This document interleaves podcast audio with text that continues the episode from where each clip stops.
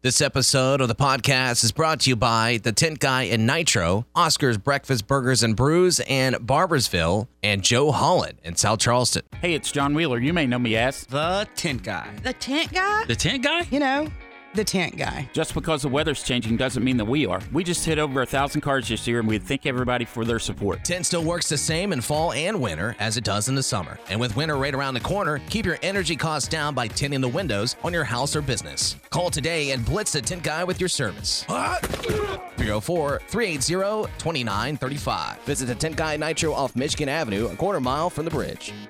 West Virginia, this fall, you have a choice. You can choose a restaurant with a few draft beer selections and the same old tired beers, or you can choose Oscars, Breakfast, Burgers, and Brews, a restaurant with 28 craft beers on tap and nearly 100 more different cans and bottles with new additions every week. Let your voice be heard and choose Oscars, Breakfast, Burgers, and Brews, River Place Plaza in Barboursville. Online at OscarsBBB.com. Oscars, Breakfast, Burgers, and Brews is responsible for the content of this message. Providing you extensive coverage with a different attitude. Not your boring, everyday, run of the mill high school sports show. This, This. is the High School Blitz with your host, Brandon Lowe, and his, due to a conflict of interest, not his official co host, but an official contributor, the Gazette Mail's Ryan Pritt. Now to the guys. Welcome into another edition of the High School Blitz podcast. I'm your host, Brandon Lowe, and of course, joining me, he's not my co host due to legal reasons. He is a contributor, even though he is on the logo, he is Ryan Pritt, and that's due to legal reasons. Ryan, what's up, man? Hey man, how's it going? I'm doing uh, good, my friend. I know you're battling sort of a cold or sinus situation, so I do appreciate you still hanging in and doing the uh, doing the show with me today. Yeah, we're overcoming some adversity this week. You know, illness, eight thirty in the morning. It's we're battling through though. Can we say?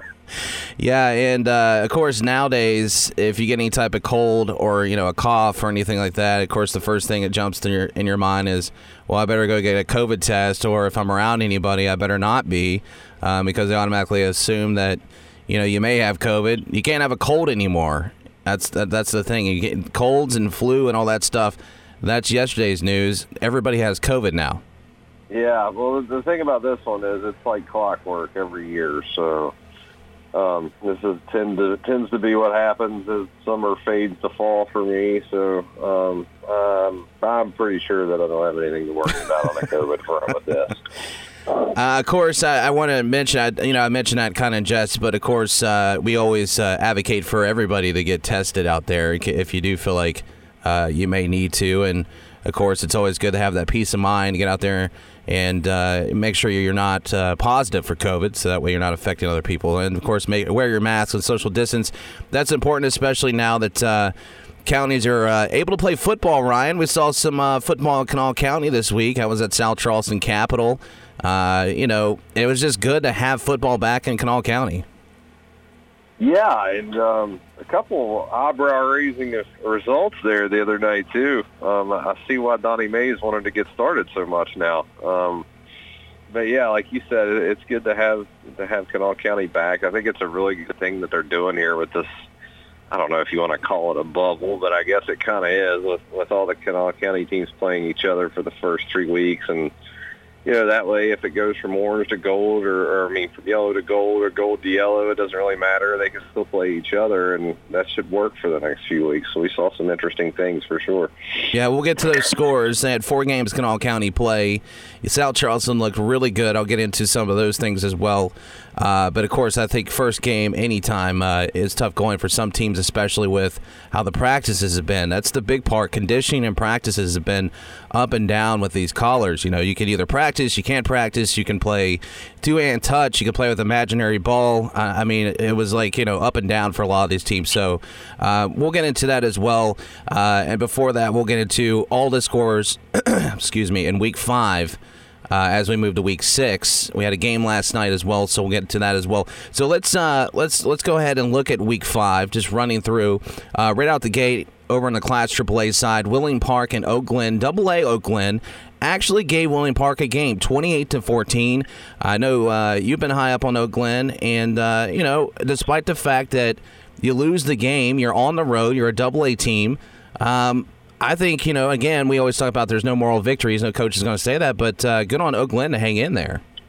Yeah, and I think that game might have even been tied at halftime. I know it was it was really close for a while. I think Park got the last two scores of that game, but yeah, that's probably about what I expected out of that game. I think Oak Glen's a, a top four team in Class Double A, and you know, of course, Wheeling Park's really tough, and that's a really nice win for Wheeling Park too, especially to hold Oak Glen's offense to 14. I, I can't remember exactly what they put up on John Marshall, but I know it was in the 50s or close to the 50s. So good win there by Wheeling Park. Good showing by Oak Glen, and uh, it was a pretty nice matchup to see last week. Right below there, Parkersburg and Hurricane. Um, you know, Hurricane putting up. I mean, we've talked about Hurricane, their quarterback, their offense, and talked to Jeremy Taylor before the season started, and uh, he said he was going to do some different things on offense, and uh, was going to do some of the the same stuff, but he was going to open it up a little bit. And uh, he spreads the field out nicely, but man, Hurricane putting up 60 points, winning that one 60 to 36 over Parkersburg. Ryan. Yeah, did a lot of that late. It was almost like they kind of outlasted the Big Reds, and and we talked about Hurricane having a couple weeks off before that game, and you wonder how much that helped after Parkersburg played kind of a brutal stretch of games there over the last three or four weeks. But that's a nice win for Hurricane, and they have a pair of them now. I, I know Huntington's had its struggles this year, but anytime Hurricane beats Huntington, that's a nice win for them. And then to get that one too, and and be at two and zero, oh, that's a good start for the Redskins. Bridgeport continues to roll as they knock off Parkersburg South, who uh, the other team there in Parkersburg has just had a brutal schedule. They now fall one to one and four. Bridgeport improves to 4 0, 56-28 victory there as Bridgeport continues to roll. Musselman over Morgantown. Uh, you talk about a Morgantown team playing their first game last week, and well, hello, here's Musselman. They win 42 to nine. Again, you know, you talk about so much about the practice. Uh, you know, the ability to get out there and do certain things because of the color uh, code situation. But man, Musselman, we already know what they bring. Here's Morgantown hosting and playing their first game. Just a brutal opponent to play in your first game. Yeah, you know, Musselman's got an outside shot to win a state title. I mean, I think they're that good, considering how close they were to Martinsburg, and then you know Spring Valley gets the narrow win over Martinsburg, but they're in that upper four, five, sixteen conversation. So like you said, it was a tough assignment straight out of the gate for Morgantown, but it's interesting kind of the dichotomy you're seeing here among teams that have played a lot of games and haven't played a lot of games. It seemed like, you know, maybe that was an advantage for Hurricane late in that Parkersburg game, and here it seems like it was a pretty big disadvantage for Morgantown having to having to face that team right out of the gate. So it's just it's just making for some for some really interesting matchups here early in the season. Moving down, Ripley uh, getting a victory over Marietta, Ohio, 28-26. Ripley now three and one on the season as well. So good on Ripley, uh, starting off uh, very well in the season. Oak Hill, uh, Mingo Central playing two games uh, in those three er, three days. Um, Mingo losing Oak Hill 34-26, and then they move over and play Man, which was a really good game and uh, they lost that one 28 to 24. So you're looking at Mingo, and you know we talked about you know uh, having some new uh, you know a new coach and all that stuff, but uh, yeah, they're just Mingo's off to a tough start as well. Yeah, and, and you know. Two games in three days, I believe. One one Wednesday and one was Friday, I believe. I think the main game was actually Wednesday and the Hill game Friday. Yeah. um, but yeah, you know that, that's a, that's a tough start for the Monarchs, and we're not used to seeing them at 0 and 2 um, by any stretch of the imagination. Even though both of those games are really close, so it'll be interesting to watch them this week and moving forward. That's going to have to be a pretty quick rebound, especially not knowing how many games they're going to get in this year anyway. Moving to Double A, Bluefield, Point Pleasant. You actually thought this game could be closer. Um, and it was a decent game to, at the beginning. Bluefield ended up blowing this one out though, forty six to twenty eight. Um, I kind of expected Bluefield to win. I mean, it's a it's a long travel. You did expect Point Pleasant to score some points. Good on Point Pleasant to uh, to battle. They are sitting at one and two now. Bluefield continues to be undefeated this year. Um, Bluefield, you know, I, I the thing about it is it's interesting about Bluefield is the last couple of years they've been sitting at the top of Double A and we were believers because of all the talent they had on the field, especially the last couple years. They've had some D1 talent. One of those kids that are going over to Morgantown now, but um, I, I, just they're so far away. I don't get a chance to see much of them, obviously. So you almost it's one of those teams where you almost guess as far as matchup wise. Um, when they get to the playoffs, you're like, okay, well, the record says this. They have a you know they've beaten this many opponents. They you know they play Graham and all those teams, but you don't know how good they are until they get to the playoffs. But they are definitely rolling right now. Yeah, and you, you saw that first result of the year. I think it was a 15 to 13 win over Princeton, and you were kind of like, well, maybe this is the year that Bluefield's kind of taking a step back. But since you've seen Princeton kind of play really well, and, and obviously so has Bluefield, they've got some really marquee wins on that ledger now, including two over Princeton and one over Point now, who I still think is a pretty decent team. Um, but yeah, I mean, the Beavers absolutely looking like they're going to be right there yet again when it comes time to decide this Class AA title. Let's move down. Uh, Midland, who uh, traveled to Poca, these two programs meeting for the very first time ever, had a chance to talk to Coach Ramsey uh, during the week, uh, and uh, you know he was very excited, obviously, to get back out and play, um, and play a quality opponent. Uh, Coach Salmons and and Coach Ramsey talking about playing this. You know, I asked what sparked it. And obviously, it was a scheduling thing.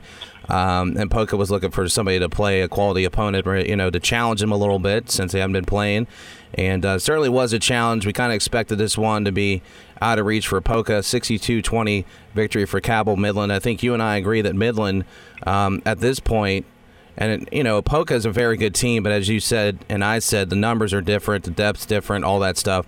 So you can't really use that as a measuring stick for Poca um, or Midland. I mean, really, I mean, not Midland, um, but Poca. You know, they did fight. At least they didn't lay down, and that's not in uh, the Dots DNA. But um, we kind of expected Midland to blow this one out. And if you're Poca, you can't hang your head. Um, you just got to move on to the next uh, next game. And anything, it's a it's a nice challenge for the Dots. Yeah, that was about exactly what I thought it would be. Um, you know, Ethan Payne's going to get his numbers. He's a good player regardless of class. And Poca did a couple things on offense that were okay. But when it comes to trying to stop this Midland team right now, I haven't seen anyone do it. And that includes AAA, AA, whatever. Um, I know, I believe that Midland and Spring Valley recently announced that they had come to a regular season date here in a couple weeks, I believe, if I didn't see that wrong. Um, and what what a game that's going to be because I, I really believe that might be the the top two teams in the state right now. But Midland on offense just looks like I mean that's a runaway freight train right now. And you're a double A school trying to prepare to stop that team, especially one that had had a couple weeks off too, I believe, to kind of get right. And I know Poca did too, but uh, that Midland team, I, I don't even know what you do right now defensively against them. I really don't. Yeah, Midland and uh, Spring Valley, that is correct. They have uh, decided to play each other. So uh, that'll be uh, that'll be a lot of fun, man. I, am excited for that uh, for that contest as well. And then of course, uh, again, I keep bringing this up because I'm excited to see Martinsburg and uh, Midland Halloween night. That's going to also be. a big one there for Midland. Um, Fairmont Senior Winfield. We talked about Fairmont Senior coming down, playing a little angry. Um, had a tough schedule so far, long travel, um, but we kind of expected this. 59 28 Fairmont Senior uh, defeating Winfield. Coach Snyder always does a good job getting those guys going, and uh, you know it's the first game of the season. Again, practices have been weird, and then here you bring in a Polar Bears team, which you know historically is always a really good program. Uh, comes down and, and they're playing angry, and they got talent, and end up running away with that one. Yeah, and we were talking what what about Morgantown? Welcome to the season. Uh, well, Winfield, welcome to the season. There's a Fairmont team that was really mad coming in anyway after losing a couple some tough teams, and you know, Fairmont's record is what it is. But uh, I, you know, we keep talking about this three or four team breakaway in Class AAA. I think there's probably the same in Double A, and Fairmont's certainly right in the middle of that. So tough assignment for the Generals to come out. Uh, but uh, you know, like like we're going to talk about with these Kanawha County teams in a few minutes, at least they got started. And uh, you know, it's not going to get much tougher than it was in week one for Winfield, so it might be a good character building one for them moving forward. Yeah, certainly. Uh, just uh, moving through some scores in Class A. Of course, St. Mary's and Williamstown, always a good one there. And look at Williamstown getting a victory, twenty to seven. St. Mary's, you know, uh, came in at the top there and uh, Williamstown getting a nice victory, man. That's uh, you know we talked about Williamstown kind of being quiet. You know we are like well, we haven't really talked about them much. Well, here they are, uh, kind of kicking the door down and saying, hey, we're still making an impact over here in Class A. Yeah, I mean that's one of the stalwart teams of, of this state. You know their one loss was a, a blowout loss, but it was to a, a Fort Frye team from Ohio that you know we don't necessarily see often or know much about. But in state, they're they're three and zero, and they look to be every bit of what they are each and every year. I mean, you know, Wheeling Central and Williamstown. If you're talking about the last decade, decade plus in high school football in Class A, I mean, those are your two premier programs. And of course, I say being quiet because you got this team, Doddridge County, or uh, Doddridge County, that's just uh, blowing it up on the scene. They continue their momentum from last year, and they get a nice win over Wirt County, thirty-three to seven. They are now five and zero on the season, and a lot of people are already saying that Doddridge County should be basically a shoe in for a state title. I'm seeing that narrative, Ryan. Uh, I think it's a little early to say that, but I will say they destroyed my upset pick last week. So well done, Doddridge. Um, but yeah, I was talking um, a little bit ago. I can't remember who. Oh, about Bluefield, about their their resume. And if you look at the teams that Doddridge has beaten this year, I mean, number Ritchie County team that's ranked, a Wirt County team that was ranked, a, a Tyler Consolidated team that was ranked before this week. They've, they've put together a few good wins too. So, uh, and I know they've got a few more tough games on their schedule.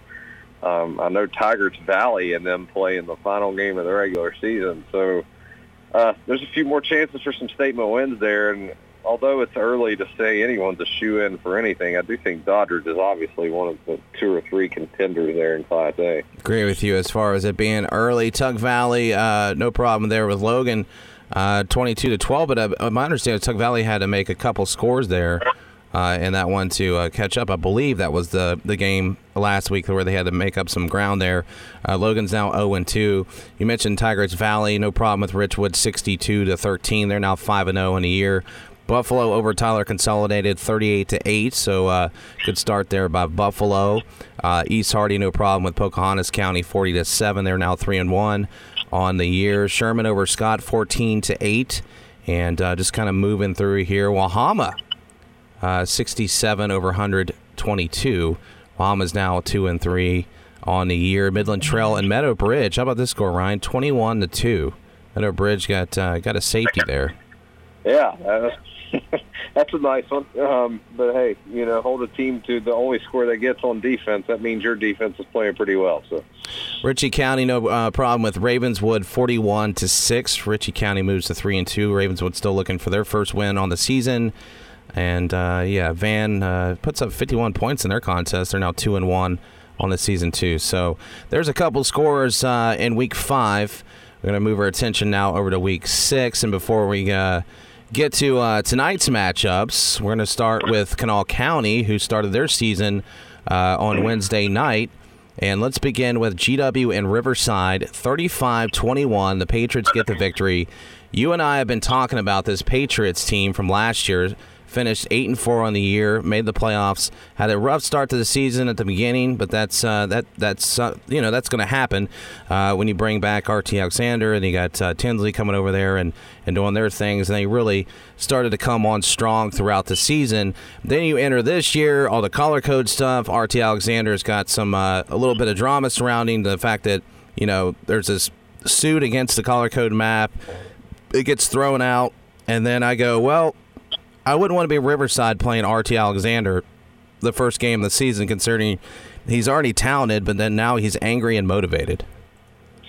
Yeah, and you know, I think we have a little bit better idea of what GW is. I think they're going to be a, a pretty good team and a team that's going to, you know, make the playoffs and, and possibly even host a game here. But this one to me was more of a, of a chance to see what Riverside was going to have because they lost some big pieces last year from that team that actually, you know, made the postseason for the first time in whatever that was. I think it was a decade plus. And under Coach Alex Daughtry, I mean, uh, get this game right out of the gate against a team that we expect to be, you know, among the best in Kanawha County, if not the best. Um, and, and, you know, Riverside kind of hung in this game. They, I thought they attributed themselves quite nicely last night. And we are talking earlier about you know, no such thing as moral victories, but I think this was a really important showing for the Warriors and to hang in like that for a while and and and do some good things. I think that's a good sign for them moving forward. But as far as GW is concerned, I mean, you're right. I mean, a lot of a lot of distractions around with the RT Alexander lawsuit, which is finally done and put to bed now, so that helps. Um, but I, I think you know, again, that's that's a team that you know, this coaching staff proved a lot to me last year, and how how dramatically they were improved from an opening, you know, kind of bludgeoning loss to South Charleston to the end when they're pushing Cabell Midland in the playoffs and Ona, you know, to make it to the semifinals. And I have a lot of faith in that staff, and I think that's a team that again is just going to get better and better. The only difference is they're starting in a lot better place this time around. Yeah, uh, I, that's a good point with Riverside, and like you said, uh, Daughtry is uh, a Riverside through and through. Took the job. He's in his third year, and he's done a tremendous job over there. The Warriors, I think, will be just fine. I think they'll win some games this year. Um, but I, that's just a tough opponent to start your season off, and um, so Riverside will move on and, and hopefully lick their wounds and get back to their winning ways next week. GW will move on and take on this team on Tuesday. South Charleston, and uh, they were victorious over Capital, uh, 47 to 14. Donnie Mays' first win over Capital as the head man. They're the Black Eagles, and uh, man, they just, you know, I was calling the game with Jack, and they just looked good on all three phases, as you know, Neil Brown likes to put out there, right? Special teams, offense, defense. A lot of coaches uh, want to see that, and I think defense, uh, defensively, I think everybody expected South Charleston up front to be, you know, a load, right? They're going to be hard to, to block, especially with a guy like Zyke Lawton, who has a, a slew of Division One offers for a good reason. So we kind of expected that. We expect some things and uh, from the linebacker position, but that secondary played really, really good. Um, and they had two pick sixes. They forced four turnovers. Offense also did a good job of taking advantage of those turnovers. And also, Trey Dunn did a tremendous job of decision making. Donnie and I talked about it, uh, you know, yesterday on the radio show, and that was the one thing in my key going into this year was Trey Dunn as a uh, Dunn as a freshman last year made got better and better every game. The biggest thing for him was decision making, and he did a great job in that game, and he managed a great offense. Um, so just you couldn't ask for a better start for South Charleston. I, did, I didn't realize that was Donnie's first win over Capital. That's that's pretty amazing as many times as they've played. But it also speaks to what kind of teams Capitals had over the last you know ten years or whatever as well. But yeah, I watched a little bit of that. Listening to you and Jack on the call there, I watched some of the first half and. South Charleston offensively, that just looks like a completely different animal than we've seen over the last four or five years. Uh, you know, mixing in the running game, you got the the freshman back there. I can't remember what his name was. Um, of a jittery back to kind of go with Mondrell Dean, who's more of a downhill guy, and you know, like you said, Trey Dunn, who looks completely in control of this offense now. Uh, more experienced player. He's always had the talent, but a lot of that's experience, and they're they look like they're pretty dangerous. And this GWSC game coming up this week, this ought to be a dandy. It always is, but you know, I think these two teams are coming into this game this year in a, in a better place than they have in quite some time, and I think it's going to be a, a must see this week. Yeah, excited for that one. And another note for that South Charleston game. Um, you know, speaking with Donnie yesterday too, he said, you know, he's had a lot of really good quarterbacks, especially statistically. Uh, you know, he talks about Harris and uh, and Greer, but uh, you know, he says that uh, Trey is way ahead of those guys as far as the playbook and and, and being in control of the offense, and that's that says a lot.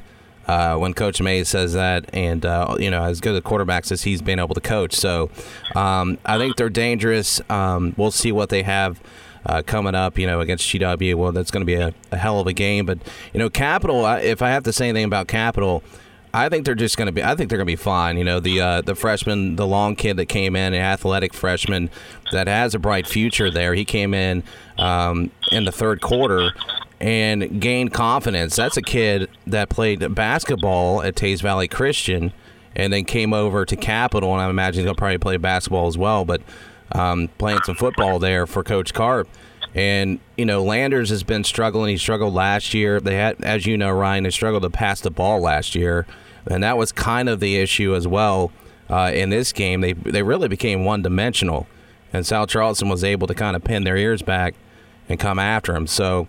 Capital, if they can improve on that passing game, they'll be just fine because the defense looks, uh, despite the fact South Charleston moved the ball, Capital always does a good job defensively as well and their run game. So Capital will be just fine. They'll play St. Albans, and uh, that moves me uh, over to St. Albans, who uh, took on Nitro. Battle of the Bridge. St. Albans gets the victory 26 to 13. you and I grew up in the Crosslanes area. We've been around this game many times. Saw a lot of great contests, and uh, Battle of the Bridge is always fun, Ryan.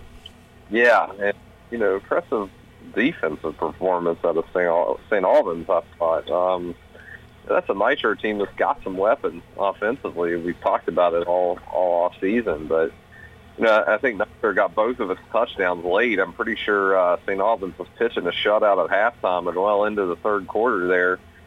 Um, and, and, you know, for them to, to kind of go on the road and get that win, uh, it says a little bit about Nick Watt, what he's doing over there. And obviously the roads will get a lot tougher. Like like you mentioned, I think it's, what is it, Capital next, St. Yeah. Albans? Yeah, uh, St. Um, Albans will host.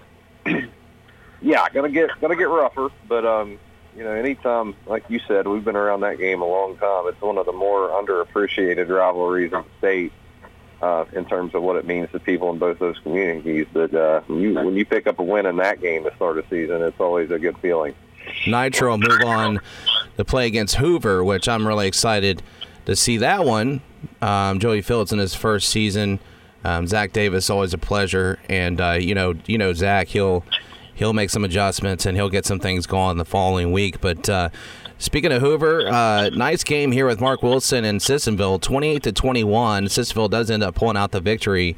Hoover had a nice fight back though. They were down, I believe, two scores at one point most of the contest, but they came back and uh, and pushed back with Sissonville and almost had a chance to maybe possibly tie and and uh, but Sissonville ended up pulling it out. Uh, but that's the type of stuff you're going to see in the first game of the season, though. These kind of hard fought games, and and uh, you know, you're going to have some things in the beginning uh, that may not go your way, and especially when you got a first year head coach like Joey Fields. Yeah, and I think you know, reading a little bit of, of what happened at that game, it looked like a whole lot of penalties and a whole lot of turnovers, and Only 27. yeah, yeah. So the kinds of things you, you probably expect to see in, a, in an opening game, and it's uh, you know unless you you're looking at the records next to those schools, it's easy to forget that this is the first time they stepped out on the field against a, anybody else. So um, credit to Sissonville for you know kind of weathering the storm there and picking up a, a, a win on the road, and you know that's a nice rivalry game there too. That stretches back a pretty long way, but. Um, obviously, Hoover's going to be fine. I mean, they've, they've got a great coach in charge of it, like you said down there. And you know, anytime you're changing philosophies from what has been a traditionally, you know, 90% run team, if not more, over the last few years, and I'm sure, you know, Joey Joey's making some adjustments to that, and there's going to be growing pains with that. But you know, um, good win for Sissonville, showing a lot of toughness there, and really kind of a nice showing for Hoover too. Like you said, in their first game against a Sissonville team that's pretty experienced, it's pretty pretty weathered under uh, Mark Wilson by now, who's been there for quite a few years, and um, about what you would expect to see out of the season opener there. Certainly. All right, uh, let's move over to the rest of the games tonight. Uh, we are in week six. Hard to believe we're already this far into the season, especially if you are in Kanawha County and you're just starting your season. Um, so let's start in Class AAA, Midland and Hurricane. Um, we've talked so much about Midland's offense. Hurricane put up some points. Now they haven't played as many games. Um, you know, Midland's just it just looks like a you know a truck uh, going downhill with no brakes. You know, uh, get out of the way. Uh, but it is in Hurricane. Jeremy Taylor does a good job as far as preparing against anybody, and I think this is going to be a lot of fun. Give me your take, and, and what do you see in this? What do you, who do you think pulls this one out? I think Hurricane's going to score some points. I I really like Ismael Guerrero. Um, we got to look at him last year, if you'll remember, down at South Charleston. Um, you know, when they had an injury there to, the, to Austin Womack, their starter. But he nice things with that offense. I think he threw for what six or seven touchdowns last week.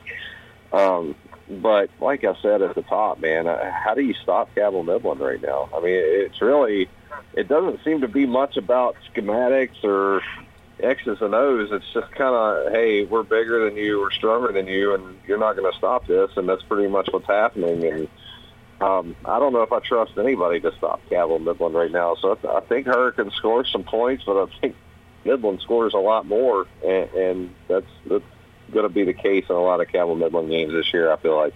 Yeah, I think Midland definitely gets the victory here. I think you have a nice game, especially in the first half. I think Hurricane is able to get some points on the board, obviously, but uh, I think Midland's just on a roll. I mean, and you know, Coach Salmon's confidence there in the coaching staff, and the things that they have working for them. I absolutely, I'm with you. I'm jumping on this Midland train as far as being a favorite to win a state title this year. Of course, there is a lot of really good teams at the top of there in Class AAA as usual, but man, Midland, I, they just look like a whole another type of animal out there. So I think Midland's going to end up winning that game on the road. Um, Martinsburg's going to take on Spring Mills. Martinsburg's two and one. Spring Mills four and one. Um, we know Martinsburg's kind of in a different situation. They got a new head coach. Um, not used to seeing the uh, the one loss over there this early in the season, if any, right? The fifty something games of a streak, and uh, you know, kind of a different year for the Bulldogs, and here they are taking on Spring Mills. Yeah, this this is what we keep saying every week. You know, don't put too much stock into these ratings. Don't put too much stock into these ratings. Well, here you go. Martinsburg at nine, Spring Mills at six. And uh, I can promise you that by the end of this game, it's not going to look like that on the scoreboard. I think Martinsburg wins big here and, uh, and gets it going back in the right direction. Agree with you totally. I think Martinsburg, no problems. And I will say this this is my little legal to the rest of these high school football fans out here. Martinsburg is not out of this thing by any means. Martinsburg certainly could win a state title this year. Do not count out Martinsburg just because they have one loss.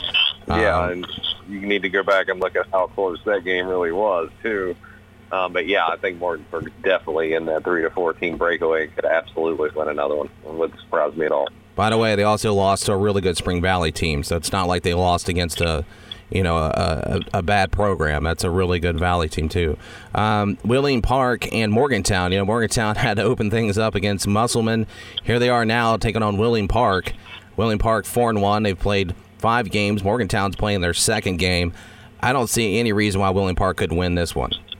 No, I think Park is a good team, and uh, at home, like you said, Morgantown got its first game in last week, but Wheeling Park's kind of riding high here, and and got some momentum behind them, and I, I think they win this game by a couple touchdowns.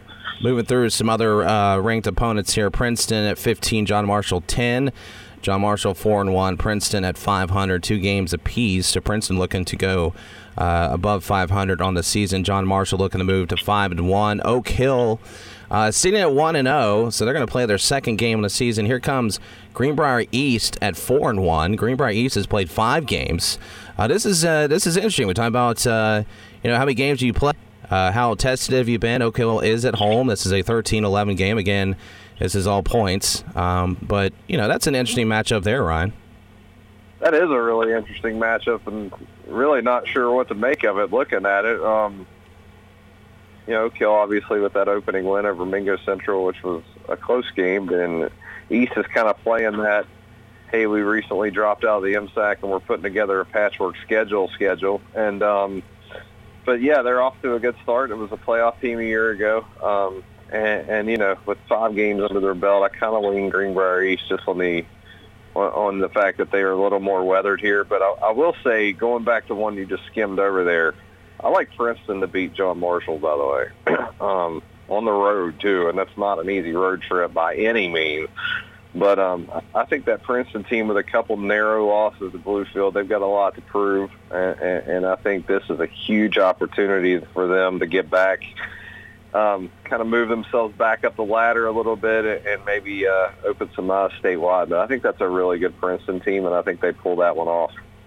Before we move on, just to remind you, this podcast is brought to you by Tent Guy and Nitro, Oscars, Breakfast Burgers, and Brews in Barboursville, and Joe Holland there in South Charleston. Be sure to check out all those great local establishments. All right, Huntington and Woodrow Wilson. Huntington, as we've talked about, in some uh, territory they haven't been in. They're 0 and 4.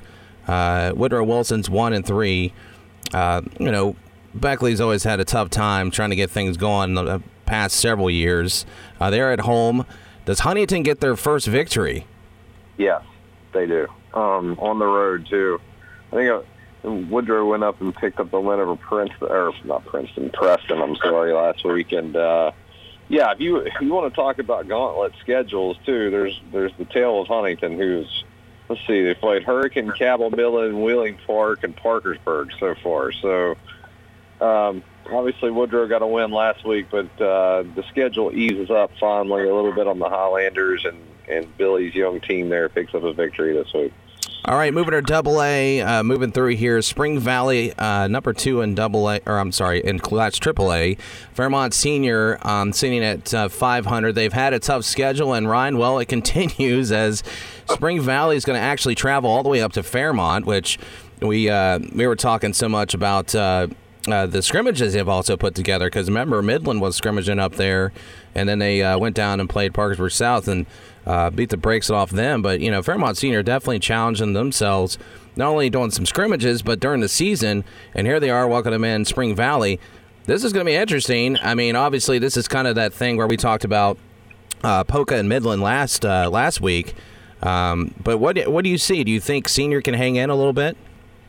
This is Senior's third class AAA opponent this year already. And the other two, oh ho hum, are uh, let's see, Musselman was one, and who was the other one? Was it uh, Wheeling Park? Was that the third one? Uh, let me pull up here because I'm actually it's it's I'm uh No, it was Bridgeport. I'm sorry, of course. yeah Bridgeport. That's right. You know, ho hum, Musselman, Bridgeport, and now Spring Valley. Yep. Um, And they only lost that one by 11 points, by the way. Yeah, yeah, and you know Fairmont's a.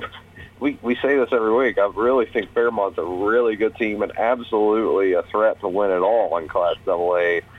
But this Spring Valley team, like we we keep talking about those three or four teams at the top of everyone, they're definitely in the middle of that. Um, you know, I think Senior did some good things last week offensively. Probably got a little bit of momentum and confidence behind them after a tough couple weeks this Spring Valley team is legit, man. And I think Fairmont scores a couple touchdowns, but I think in the end, this Spring Valley team is way too much. And um, you know, I like Fairmont Senior to lose this one and then win its last four to finish six and three. And you got to imagine that's going to be good enough to get into the Double A playoffs. Now, are they a road team in the first round? And if they are, boy, what a, a fortunate draw for somebody in that first round in Double A.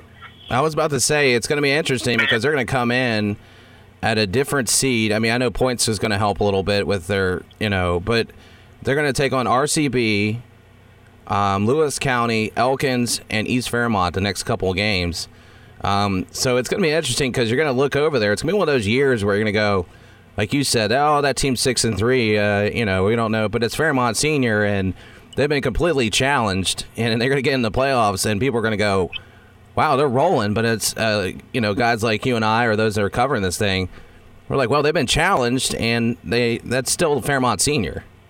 Yeah, and you know the RCB game uh, that's in front of them there. That that's a really big game for them. Um, I think what was RCB was ranked sixth last week or this week or in the latest ratings, whatever that was. So obviously that presents a pretty nice chance for them to pick up some valuable playoff points. I think that becomes a must-win game for them, and I think they will.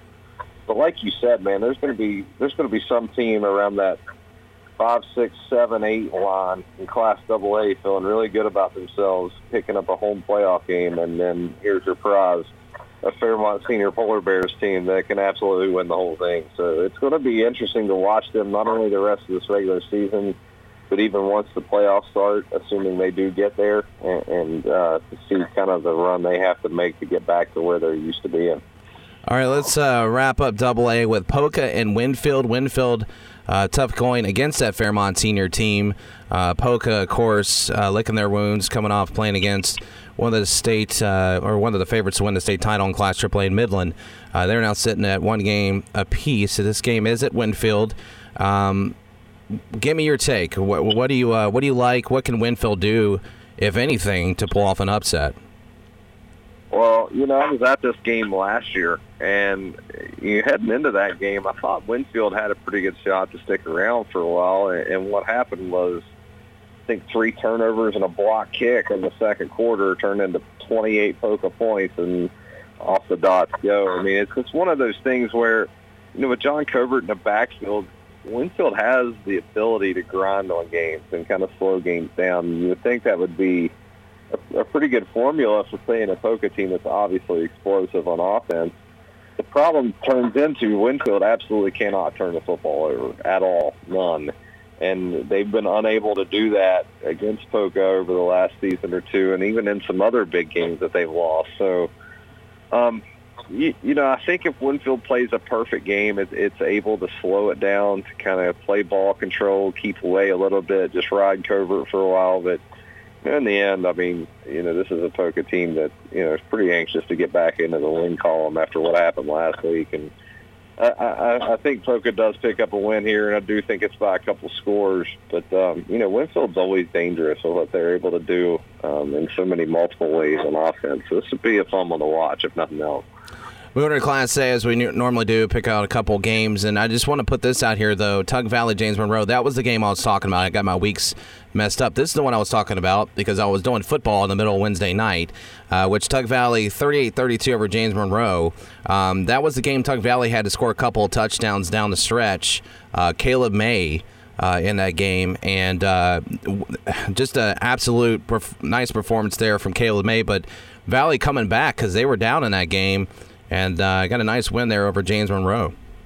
That's a really big win for Tug Valley. James Monroe is a pretty premier program in the state in terms of postseason success. If you look over the past five to ten years, and um, yeah, that's a huge win. That's about as big a win as Tug Valley's had in recent memory. And like you said, to do it and come back fashion now three and zero. Oh, um, Tug Valley looks like they may be uh, may be a pretty pretty big contender in Class A moving forward as well. All right, here's a couple of big ones here. Wirt County, St. Mary's. Wirt County coming in at 13 this uh, this week. Makes St. Mary's drop down to four. Uh, they're not. That's a four and one, three and one matchup. You got Elkins out of Double A traveling to Tygarts Valley. Uh, Elkins is at 12 and Double A. Tygarts Valley sitting at four. They are undefeated. Then you got Williamstown and Summers County. That's a top 10 showdown there. Three uh, three and one teams there. And then Mingo out of Double A looking for their first win on the season traveling over to Tolsia, who is number 14 in Class A. So there's a couple of uh, big time games there in Class A. Yeah, this might be the week that Class A kind of like, kind of finally steals some spotlight because, like you said, there are some really intriguing games in that in those four you just mentioned there. Um, County, St. Mary's in particular, I think, with the two teams coming off tough losses from a week ago, right? St. Mary's to Williamstown yeah. and Wirt Doddridge um, that that's a big game, obviously, in terms of getting the ship corrected and trying to stay in that hunt for a home playoff game. But you know that Elkins Tygarts Valley game, that one's really intriguing to me because it looks like this will be you know Tygarts Valley's first big test of the year, um, hosting a Double A team coming in at three and two, and you know Tygarts has absolutely just been rolling over people, and it's going to be interesting to see just how good they really are a lot of times you don't know that about the smaller Class A teams until they get in a game like this. So I think that one's going to be really, really good. Uh, Tolsia, I believe this is their first game since the uh, since the what was it, the forfeit debacle over in Kentucky, correct? Sure. Yep. Yep. Um, and I, I bet that's a team that's that's really been licking his chops to get back on the field. And, and here comes the Mingo Central team that they obviously have a little bit of history with. I, I think Tolsia's in a pretty good spot here. I like them in this game.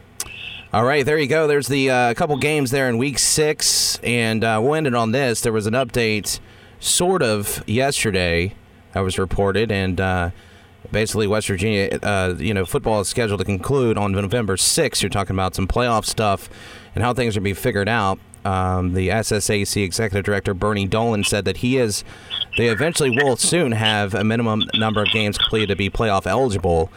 Um, so it's not a situation like we talked about with like Ohio where everybody's going to get in, or in college football where you know they're taking away the you got to be at least 500 to get in a bowl game. Um, they are sticking with you know a certain standard, but we just don't know yet. Um, so not really news, but kind of news. It's kind of just letting us know, hey, we're still working on this, and but it's not going to be the same uh, amount of games, which we kind of knew that because they did that anyway. They kind of said, hey, we're not gonna we're not gonna stick to this many games. But what he's basically saying too, in terms of Bernie Dolan, is they don't want anybody being one and zero oh and being the one seed. So they don't want anybody playing, you know, three games and they're they're higher than teams that have played either a full schedule or most of their schedule, uh, which makes sense. Yeah, and I, I mean, I think I think that number, the real speculation about what that number is going to be. I think it's got to be six, and I think that's what it's going to be. And if it's anything higher than six, I think every Kanawha County coach in the state is going to absolutely riot because looking at what Kanawha County's got scheduled, that's about what I expect them to get is, is six. And of course, the world doesn't revolve around Kanawha County, but looking at, at schools from around the state, I, I think most, or if not all, are going to get six in. I think six is a pretty good measuring stick for a season. I know it's obviously not ideal, but um, you know, it can't be eight as it has been or nine, whatever has been before. And, I just, I kind of think six is a good number. That would be my guess. I don't know what you think about that. I think you're right. I think when you look at it, it's exactly what I was going to say. If you look at what Kanawha County has scheduled or what they're trying to get accomplished, um, again, you're in this rat race, so to speak. You never know what the color code map's going to, what's going to look like. Um, so you're kind of scrambling. That's why you saw Mingo even throwing the two games in three days think a lot of schools are trying to get games in. Um, but yeah, I think six. I don't think you can. I don't think you can go lower than six. I don't think you can go higher than six because, like you said, that would be a problem. Um, so yeah, I, I, think I think that's a good number. And you know, the obviously we're still going to have the same point system and all that stuff uh, when it comes to you know one through sixteen in each class. But I think that's a good number. That's a good point. It'll be interesting to watch for sure. But you know, I mean, this postseason is going to be weird. it's going to be a lot of fun, obviously, to watch over the next few weeks, and then once we get there. But um, yeah, it'll it'll obviously be nice to to have a, a set number and and a requirement for teams to know what they're looking at and, and what it's going to take moving forward. Yeah, of course, winter sports. That's uh, that's coming up, right? What is that? Later this month when winter sports start. Was that October twenty sixth?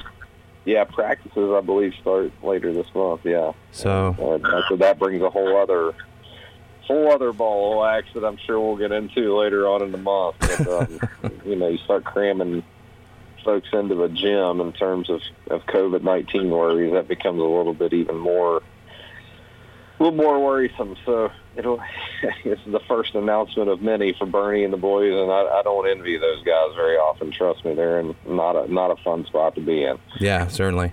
All right, that does it for this week's podcast. Uh, as usual, thank you to Ryan for coming on with me, breaking down all the games and the biggest news in high school.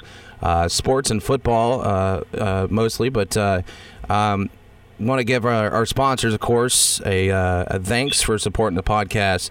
Uh, Tent Guy or Nitro, make sure to get over there and uh, see old John Wheeler does a good job with tent. And uh, of course, Oscars. Uh, breakfast burgers and brews great place to go over there great music and uh, it's in the name man the breakfast of delicious burgers and brews and of course our new sponsor joe holland over in south charleston thank you to joey for coming on board Make sure to see them over in South Charleston for the best deals uh, in automotives or automobiles. I think it'd be automobiles, right, Ryan? Yeah, I believe so. Automotives, automobiles. Either way, get over there and see Joey Holland. Ryan, appreciate you, man, and we'll talk to you next week.